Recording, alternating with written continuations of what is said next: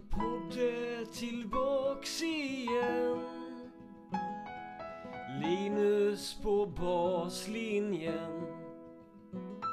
Ja, han är tillbaka igen. Linus på baslinjen.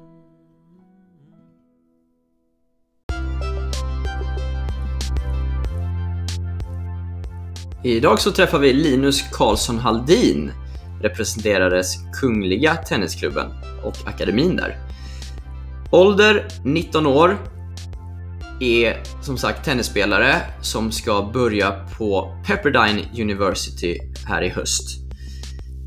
Han har haft den högsta ranking på 125 i världen på juniorrankingen, eh, spelat ett antal future-tävlingar och ska som sagt påbörja sin collegeresa här inom kort.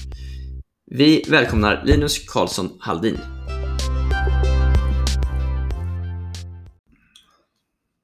Då har jag stora glädjen att få hälsa Linus Karlsson Haldin välkommen till podden. Tack så mycket, kul att vara här.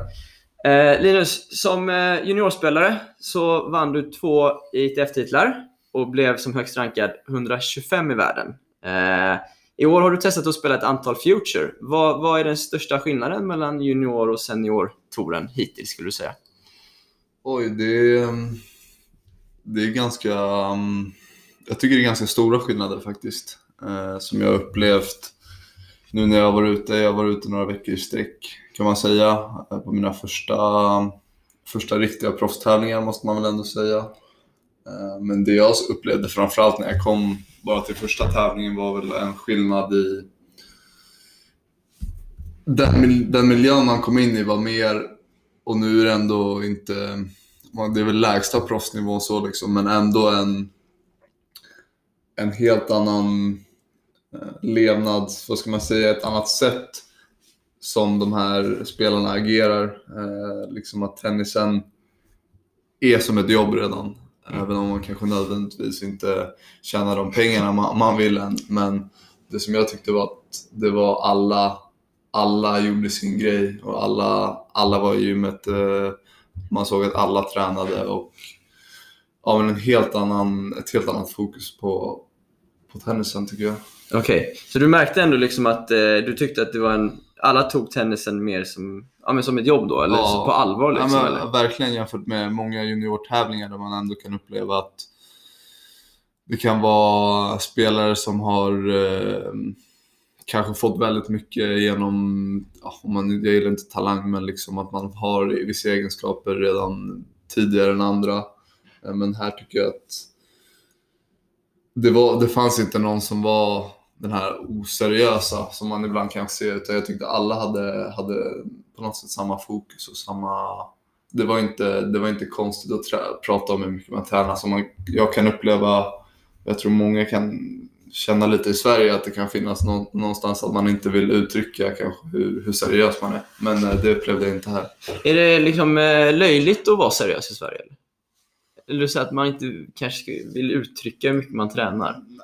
För mig är det inte det. Jag, är nog inte, jag upplever nog inte att, och har aldrig upplevt att det är något, någon skam i att vara seriös eller vilja något med sin sport eller med sina mål.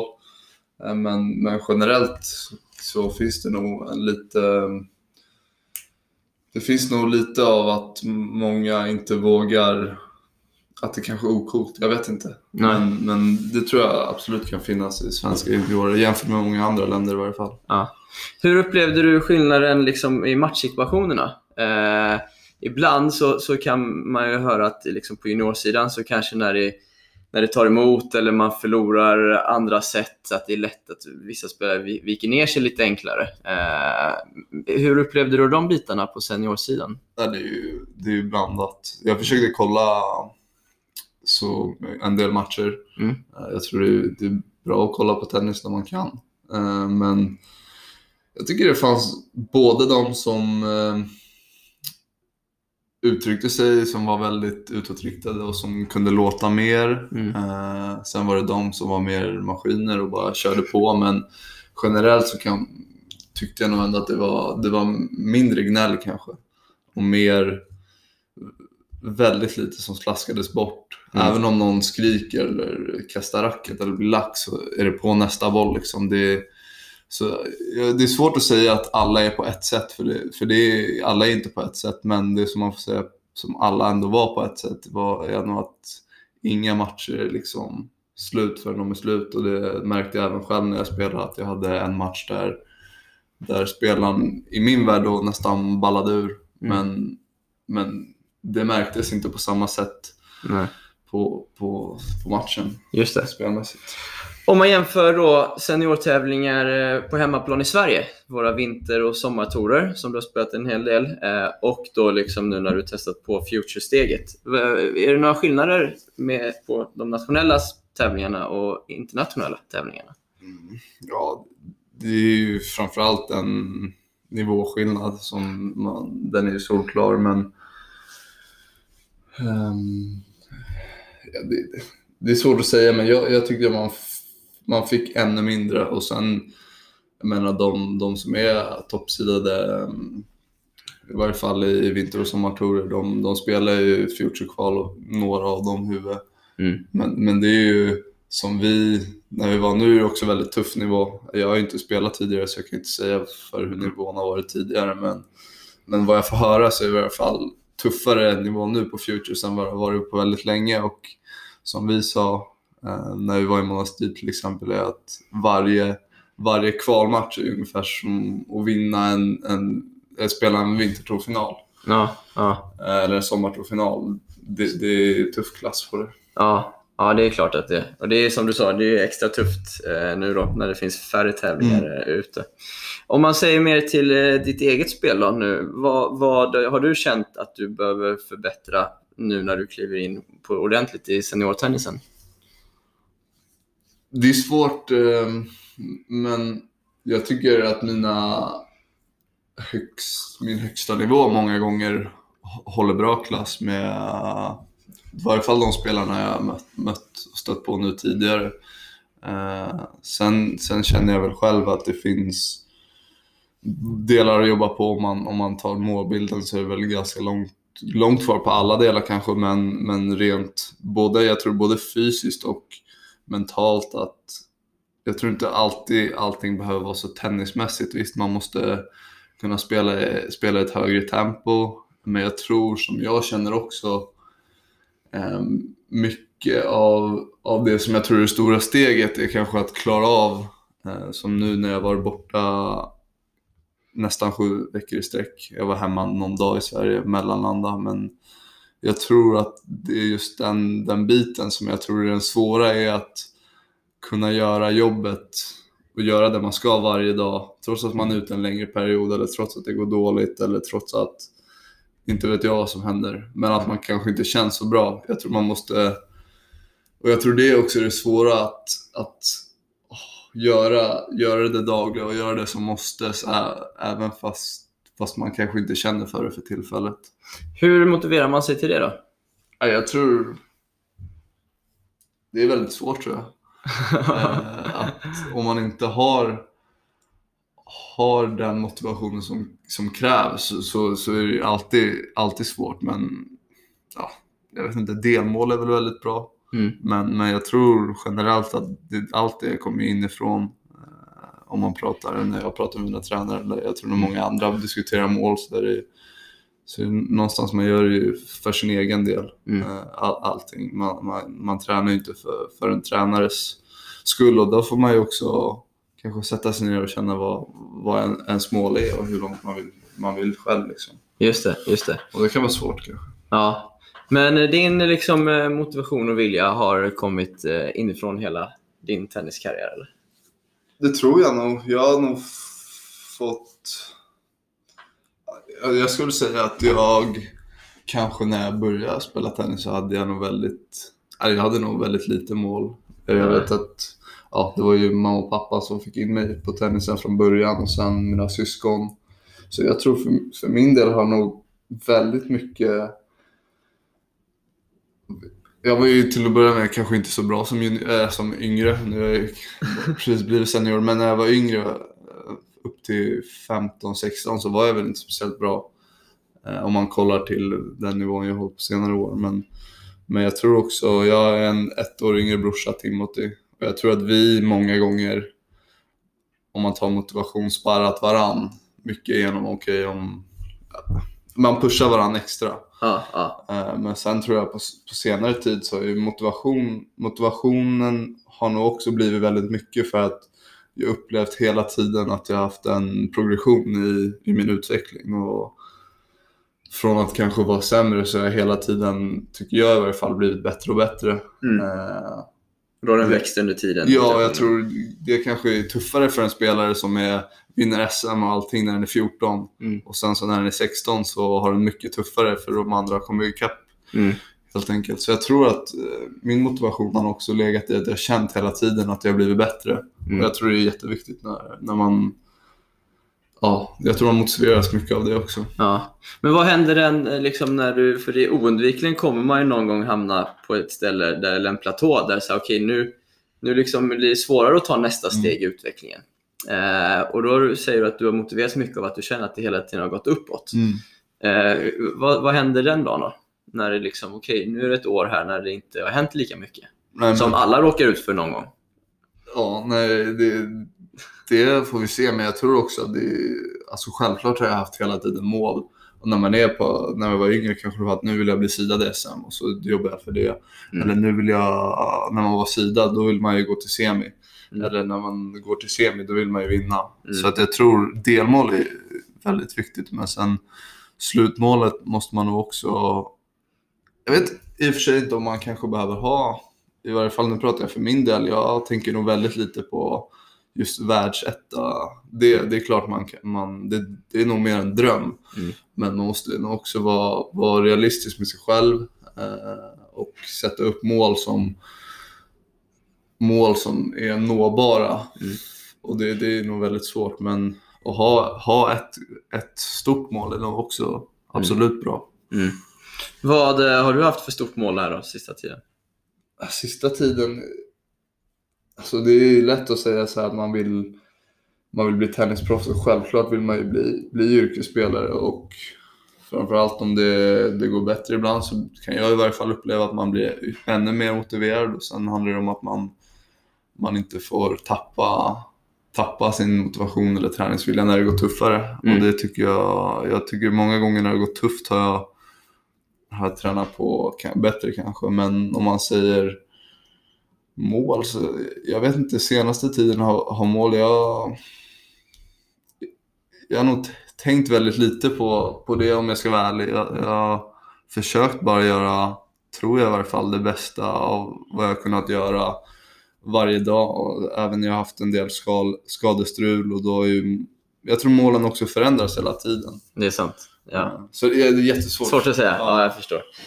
Som, eh, som många andra liksom i, spelare, eh, så efter gymnasiet så har du stått inför ett val om du ska satsa på heltid, på att Mm. liksom slå dig in på proffstouren eller välja college-spåret. Mm. Ett beslut som eh, ja, nästan alla spelare ställs inför eh, i, i den åldern. Eh, du signade ju för Pepperdine University Mm. i slutet av förra året, samma skola som eh, Lisa Saar går på. Mm. Men har inte varit helt säker på om du ska åka över eller inte, har jag förstått det som. Nej. Berätta lite om de här tankegångarna. Ehm, nej, men jag gjorde ju klart med en skola ganska, eller väldigt tidigt tror jag i processen jämfört med många, men det var också corona och så här. Ehm, så att det kanske var så naturligt, men Du vill vara säker på att ha en skola? ja, Eller? min tanke var att jag har en skola och sen kan jag lägga undan för som jag upplevde var det otroligt många skolor som kontaktade och så vill man ju sköta det på ett snyggt sätt och liksom eh, ha öppna dörrar och sådär men sen Sen kände jag att det, det blev ganska mycket tänk på det och tid på att svara och prata med olika coacher och sådär. Så att sen kom Pepperdine med, med ett erbjudande som jag var jättenöjd med och då kände jag att jag vill kanske bli av med den processen. Mm. Eh, men sen har väl tankarna gått kring att jag inte på något sätt vill... Jag vill inte låsa mig för att jag tror att väldigt mycket kan nog... Jag tror att, och i många fall, att saker och ting, man kan ändra uppfattning eller saker och ting kan, kan hända. Eh, eller att man helt plötsligt från gå- går långt i en future eller kvalar in och tar en pinne två veckor i rad och då kan ju kanske bilden vara, vara förändrad Mm. eh, beroende på hur man känner. Men sen, sen kom jag väl nu eh, till slutsatsen till att jag, jag vill åka till hösten, Mm. till college helt enkelt. Kul. Mm. Vad, vad, ehm, du sa att Pepperdine kom ett erbjudande. Mm. Vad, är ett, liksom, vad innebär ett erbjudande? Ja, Är det liksom hur stort scholarship ja, man får? exakt. Eller? Det är scholarship. Okej. Eh, Och för min del var, var det väl fyra år där jag inte ska betala någonting. Ja. Eh, Så det är ett jättebra scholarship tror jag. En- på en jättebra skola kände jag. Ja. Eh, Vad, vad var det som var bra med Pepperdine? Det som...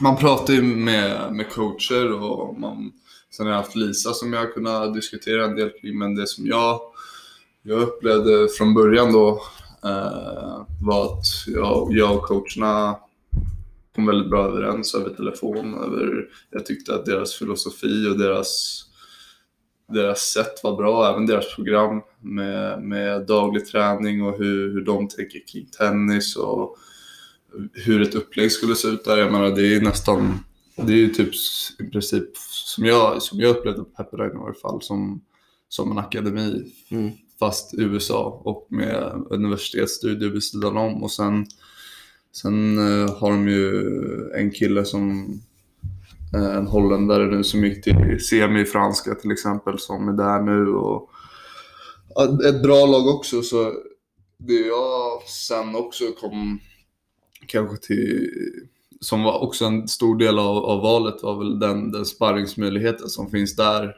Mm. Eh, sex killar på laget som, som man, man, har, man har sex killar att sparra med och det, det är det är ju typ på samma sätt i Stockholm kanske. Mm, mm. Eh, där vi är färre. Just det. Men, men eh, sparring finns ju på andra skolor också. Ja, absolut. Vad var den stora liksom, anledningen till att det blev just Pepperdine?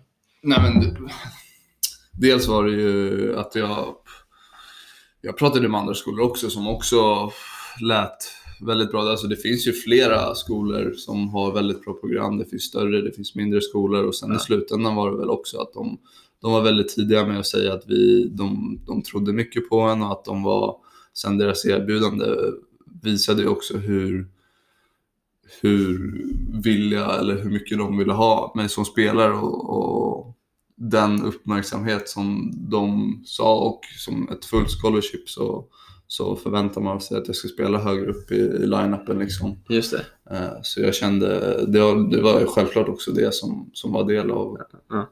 Vad har Lisa sagt om skolan? Oj, vad har Lisa sagt? Nej, men hon trivs jättebra. Eh, ja, hon, hon, jag tror i varje fall, eller hon, hon verkar tycka att det är en bra miljö och jag har diskuterat lite med skolan. Den är ju mindre än många andra skolor, men den är ändå större. Alltså jämfört med nu, nu går jag liksom online-skola, så att, eh, allt är ju större än det. Eh, men, nej, men hon har väl sagt att samma sak som jag upplevde att coacherna är grymt bra och att, att hon verkligen hon trivs bra där på, på alla plan. För jag menar, det är också en sak och om man går tillbaks till valet så ha klasskompisar, eh, ha, vara med i ett lag. Mm. Eh, det är ju ändå annorlunda jämfört med vad jag har nu när jag inte har en klass och vi är några stycken på akademin så som Ja. umgås mycket och intensivt. Mm. Eh, Så det var ju också självklart en del i valet att i vilken miljö tror jag att jag, jag kommer må, må bäst för att jag tror att väldigt mycket på, för min egen del att där jag mår bra utanför banan, Mm. om jag mår bra utanför banan och allt omkring, jag säger inte att jag mår dåligt här, här i Stockholm nu men jag tror att det då kan man fokusera mer på tennisen Ja. om man känner att allting utanför också funkar och, och Hur har det varit att plugga på distans nu? just pluggandet har väl varit ehm, inte så kul. Tror jag många upplever. Alltså det är samtidigt, man gör, och jag, jag ser till att jag får göra så mycket annat. Mm. Alltså skolan, om, man, om, man, om det är lite tråkigare eller lite jobbigare så i min värld är det värt det i varje fall och därför skulle jag annars, skulle jag gå en vanlig klass om jag Mm. hade tyckt det var mycket roligare. Men jag, jag ser det bara som till att okej, jag får kanske kämpa lite mer i skolan eller sådär. Men å andra sidan får jag åka till andra sidan jorden och, och spela tennis eller liksom göra det, det som jag tycker är allra roligast. Just det, just det.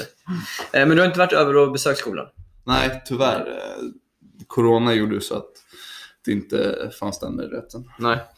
Eh, du har ju såklart liksom eh, funderat över alternativet att satsa eh, liksom på att slå dig in på ATP istället. Då. Mm. Eh, vad, vad, vad till slut var det som gjorde att du valde bort det? Var det liksom fördelarna med college bara? Eller kände du att ja, fanns det fler anledningar? Liksom? Nej men, alltså valet är ju, det är så otroligt många olika aspekter tycker jag i varje fall som om man tar till eh, kanske mina resultat då till att börja med eller min, min spelnivå så, så finns det ju otroligt mycket bra spelare på college. Ja, Och nu, för jag tycker det är också skillnad på college och college kanske. Det finns ju div 2, alltså det finns ju jättemycket college men på de bästa skolorna så är det ju grymt bra spelare och grymt bra bredd också. Mm. Ehm, men alltså jag, jag hade ju... Det är så svårt, för det är så mycket men, men det, det, jag tror i varje fall på, den, på Pepperine och den, den bilden jag har fått att jag kan ha en, en träningsmöjlighet som jag har här i Stockholm. Mm. Som jag, verkligen kan jämföra med den jag har nu på akademin på Kungliga. mm. Eh, men jag tror också kanske att jag kan få fler saker utöver det som jag, som jag hade behövt välja bort här kanske. Mm. Eh, och det är studier kanske, Mm. eh, universitetsstudier som för mig är också, studierna är en del av det. Ehm, det kan, kan vara också socialt, att Mm. det, det är mer, ja, du har en klass men du, du är del av ett lag. Du, jag tror ändå du har ett större social bredd där än vad du har Mm. om du ska försöka slå dig in. Men, men i grunden så är det ju bara egentligen ett tennis ett tennisval skulle jag säga. Jag, jag åker ju dit med, med samma mål som jag hade haft om jag var här, här i Sverige. Sen, sen är det en annan väg. Mm. Okej, så du har ändå en ambition att eh, efter college då, eh, gå vidare med Herregud. proffstennis? Nej men jag, jag, verkligen. Eh, Det är inget som, som, eh, som förändras. Inte enligt mig. Sen vet man ju inte vad som händer om ett år eller två år. Men det vet jag inte om jag stannar i, Stockholm heller. Så är det ju. Just det. Eh, när du spelade en del Future här i våras nu då, eh, har det påverkat ditt beslut? Att du fått känna på den miljön? Ja, det, det har det nog, men samtidigt så har det nog inte, inte det. Uh, alltså, jag tror det var väldigt viktigt att jag fick känna på, eller åka på de här tävlingarna och se nivån. Jag har inte åkt på några futures tidigare. Nej. Eh, men jag tror ändå att det skulle väldigt mycket till för att jag inte skulle åka. Okej. Eh, det är klart, hade man spelat väldigt, väldigt, väldigt bra så, så hade det kanske varit en ett annat val. Men jag, jag, jag tror det, ja, det skulle väldigt mycket till för att jag inte skulle åka. Dels, jag upplever att nivån på, på college-tennisen, eller på, ja, generellt de, de, den bästa college-tennisen är väldigt bra. Mm. Och jag tror för mig väldigt mycket på den vägen. Det ska bli skönt att bo i Kalifornien också. Ja, det blir, det blir skönt med värme året runt. Eh, vad har dina coacher på Kungliga liksom, eh, rekommenderat dig till eller sagt till dig när du har liksom stått i valet och kvalet här?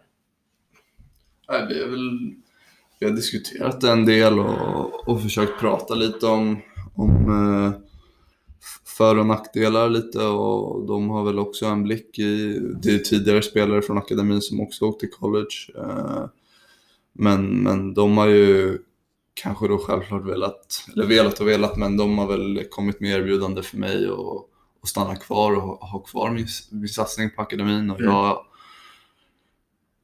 eh, liksom eh, med stöd och på resor och coach och ha, ha ett upplägg sådär. Mm. Ehm, och jag har ju trivs väldigt, väldigt bra på akademi. Jag, den utveckling som, som jag haft de, de två, nästan tre åren som jag varit där har ju varit otroligt bra känner jag själv och kanske jag inte hade kunnat få någon annanstans. Nej.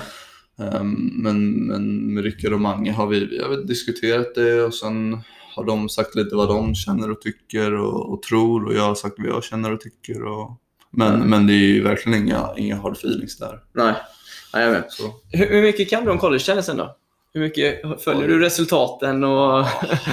Ja, men nu har jag försökt följa lite när det är slutspel och sådär. Men sen, alltså, man, man har ju pratat med en del skolor så att man har ju koll på vilka skolor som finns. Och, men jag har ju väldigt dålig koll på alla spelare. Så. Men Ja. jag skulle ändå säga att det har blivit att man har lärt sig en del för att ja, det är ganska spännande också tycker jag. Ja. Var kommer du spela i laget? Vet du det eller? Ja, det, det får vi se, men jag, ja, jag går väl kanske in, jag vet inte hur, alltså jag har så dålig koll på vad man går in första året och jag tror det är verkligen skillnad där, men jag skulle ändå tro i mitten av line-upen till att börja med, kanske högre upp. Ja, det får vi se helt enkelt.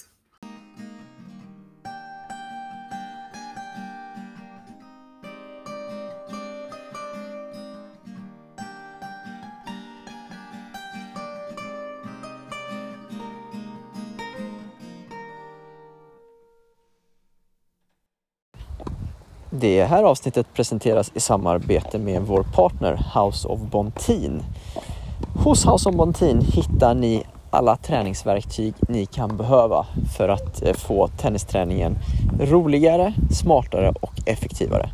Med rabattkoden LINUS så har ni 15% på hela House of Bontins sortiment om ni går in på deras hemsida. Avsnittet presenteras också ihop med vår andra partner Advertising Products Nordic. Där hittar ni alla sorters profilkläder och profilprodukter ni kan behöva till både er tennisklubb eller andra företag eller event. Med rabattkoden Linus på baslinjen har ni 10% rabatt hos Advertising Products Nordic om ni går in på deras hemsida. Tack till våra partners.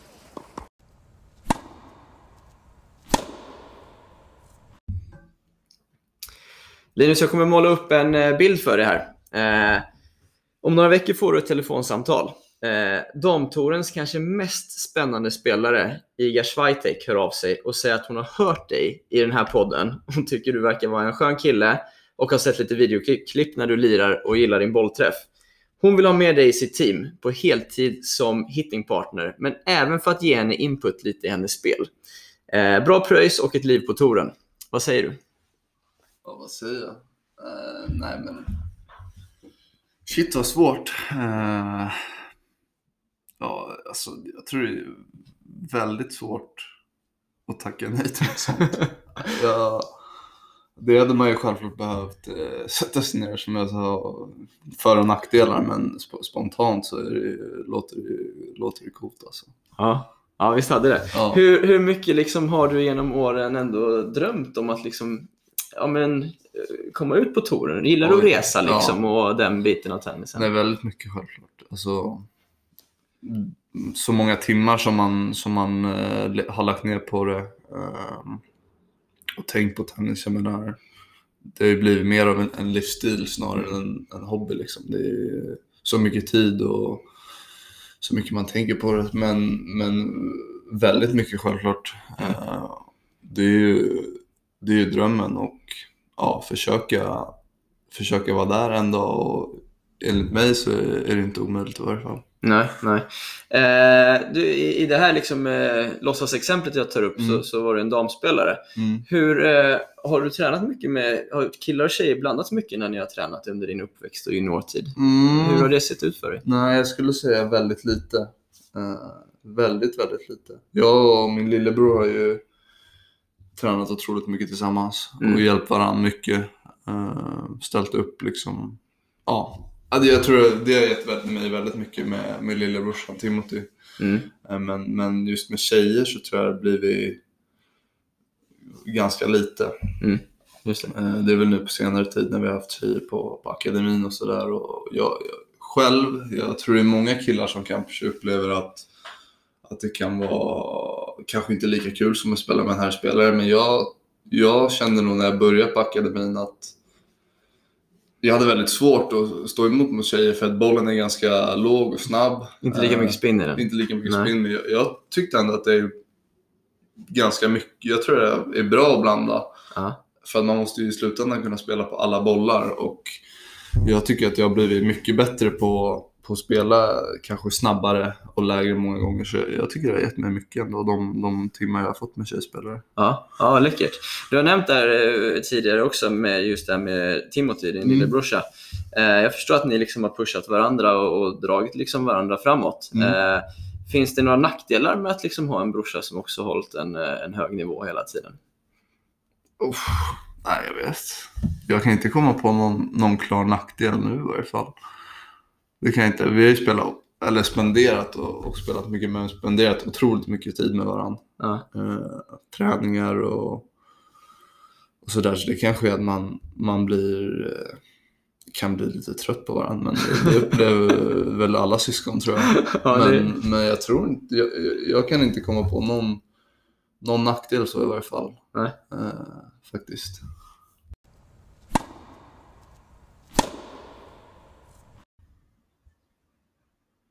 Nu ska du få höra Linus på ett videoklipp från en tidigare gäst, eh, Stefan Olsson, eh, rullstolsspelaren, som berättar... eh, Ja, du får höra vad han berättar. min tanke ganska tidigt ändå. Tror jag var runt eh, 12-13 års åldern så var jag ute liksom och kollade mycket hur de bästa i världen spelade då. Då spelade man väldigt mycket på två studs, liksom, lite längre bak, lite mer defensivt. Mm. Så min tanke var ju att försöka få in en hård serve, en hård forehand, alltså, eh, alltså en aggressiv serve och en aggressiv forehand. Det, det, det var liksom det jag ville utnyttja och liksom ta bollen tidigare. Komma in lite, ja, men lite mer Agassi, Sampras. Agassi var ju väldigt nära baslinjen, Sampras var innanför liksom hela tiden. Alltså det, Linus, du fick precis höra Stefan Olsson här prata lite om hur han eh, försökte utveckla sitt spel åt det aggressivare hållet Mm. eh, efter att ha sett, eh, ja, men, kollat på en del proffstennis. Mm. Hur har du tänkt kring liksom, byggandet av din spelidentitet eh, och dina styrkor så att säga på banan? Mm. Ja, men jag tror inte jag har kanske behövt tänka så mycket. Jag är vänsterhänt. Och jag tror att även om man kan ha olika egenskaper så tror jag ändå att eller alla vänsterhänta har nog en ganska liknande idé av hur man vill spela. Och jag tror man får en mycket gratis som vänsterhänt jämfört med, med en högerhänt. Jag kan inte se hur jag skulle spela som högerhänt. Men vad är det Men- för idé? Eller hur Men, nej, men eh, ja, jag försöker använda min surr mycket mot backhand och, och bygga och börja många poäng därifrån. Mm. Och sen använda liksom använda att det för högerhänta inte är lika vana vid att spela mot vänsterhänta. Använda det jättemycket och blanda med serv och, och sen hitta form mot backhand mycket. Mm. Eh, Så jag, är, jag tror att jag också, min backhand har ju varit fram till, fram till länge mitt, mitt bästa slag kanske. Mm. Eh, Som jag, jag tror jag haft en fördel där av att ha en, ha en stark, en bra backhand som kan stå upp mot cross och sen en forehand som man, man kan göra något när man väl får bollen dit också. Så att jag tror, ja, jag, jag har nog behövt tänka väldigt lite på det skulle jag säga. Mm. Jag tror jag har fått mycket gratis av att vara vänsterhänt och ha en basic spelidé därifrån. Okej, okej. Vad händer om du möter en vänsterhänt då? Ja, det är jobbigare då. Eh, Jag har faktiskt, alltså jag tycker att det är jobbigt att möta vänsterhänta. Det är mycket, mycket ovant. Ja, Eh, Så vanligtvis bruk, ja det blir nästan att man bara går in och spelar känner jag många gånger. Ja. Eh, Man försöker ju tänka lite med serven men sen som sagt är jag också ganska orädd med min backhand. Backhand cross till exempel då, eller får jag bollen. Men allmänt så tycker jag det är jättesvårt att möta vänsterhänt. För Okej. Man har mött så mycket högerhänta och då vet man ju exakt vad man ska göra. Och det spelar nästan ingen roll om de har en bra backhand för att Ja, min, jag tror ändå nästan oavsett hur bra backhand de har så har de inte bättre backhand än min forehand. Och så försöker jag tänka många gånger också. ja, ja. Att visst, de har en bra backhand, men är den bättre än min forehand? Troligtvis inte, Nej. tänker jag då. Ja, jag är med. Eh, Stefan sa i det här klippet också, han pratade om att han ville bli en mer offensiv spelare. Mm. Eh, vad är din uppfattning kring, liksom, tror du att det är ett offensivt spel som kommer ge störst utdelning om man kommer på hur tennisen utvecklas? Oj. Ja, alltså jag är... In, jag skulle säga att det är rätt så dåligt på att säga till så här, ja men tennis utvecklas på det här sättet. Ja, jag förstår det. Det är jag väldigt dålig på, men eh, jag kan bara prata från mig så har jag försökt, och jag tror att jag, eller jag har gjort det mycket bättre, utveckla mitt offensiva spel mycket. Mm. Eh, nu ska jag inte säga för mycket, men jag tror i varje fall att serve plus en och alltså, det är väl någon statistik på att väldigt mycket bollar avgörs inom fyra slag tror jag. Mm, Så mm. att, ja, jag, jag tror självklart att det alltid är en fördel att ha en bra sur till exempel, eller fördel att ha en bra forehand. Har, har ni tränat mycket just där serve plus en och retur, eh, nästa slag och så vidare? Eller har det varit Ja. mer grindande? Nej, liksom? vi blandat. Man måste ju träna allt självklart och man måste ju vara, kunna hålla i bollen också. Mm.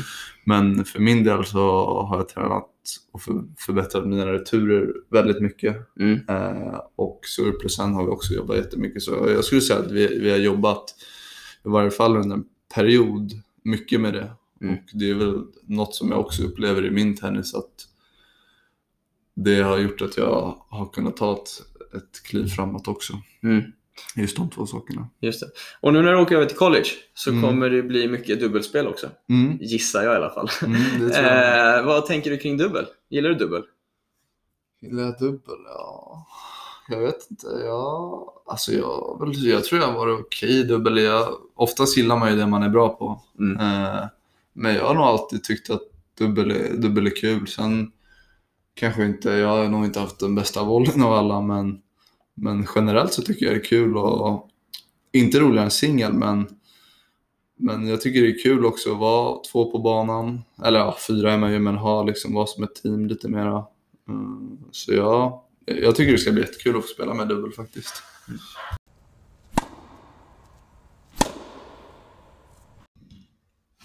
Svåra beslut om man ska gå pro eller välja college-spåret. Eh, jag tror att många har uppfattat mig under alla poddarna jag gjort sista, ja, men sista året eller ett och ett halvt år att, att jag har varit negativ kring collegevägen. Eh, det är jag inte. Jag tycker att det är ett jättesmart val.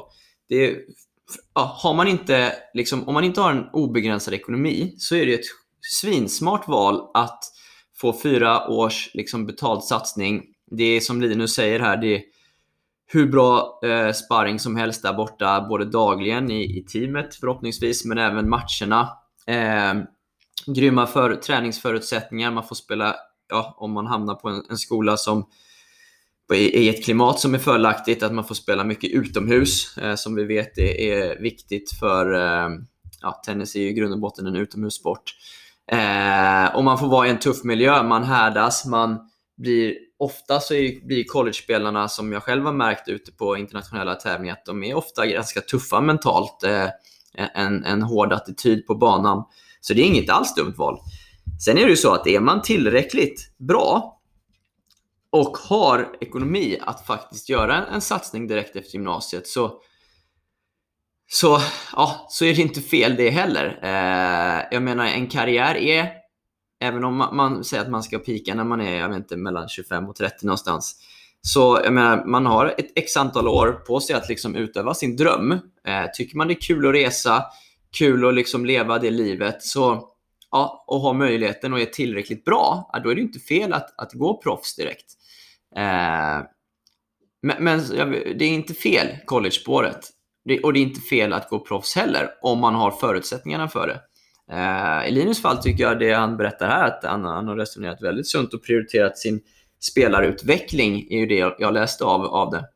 Att det är en väldigt bra miljö att fortsätta utvecklas som spelare där borta. Eh, ja, så jag eh, verkligen eh, önskar Linus all lycka i, i det beslutet.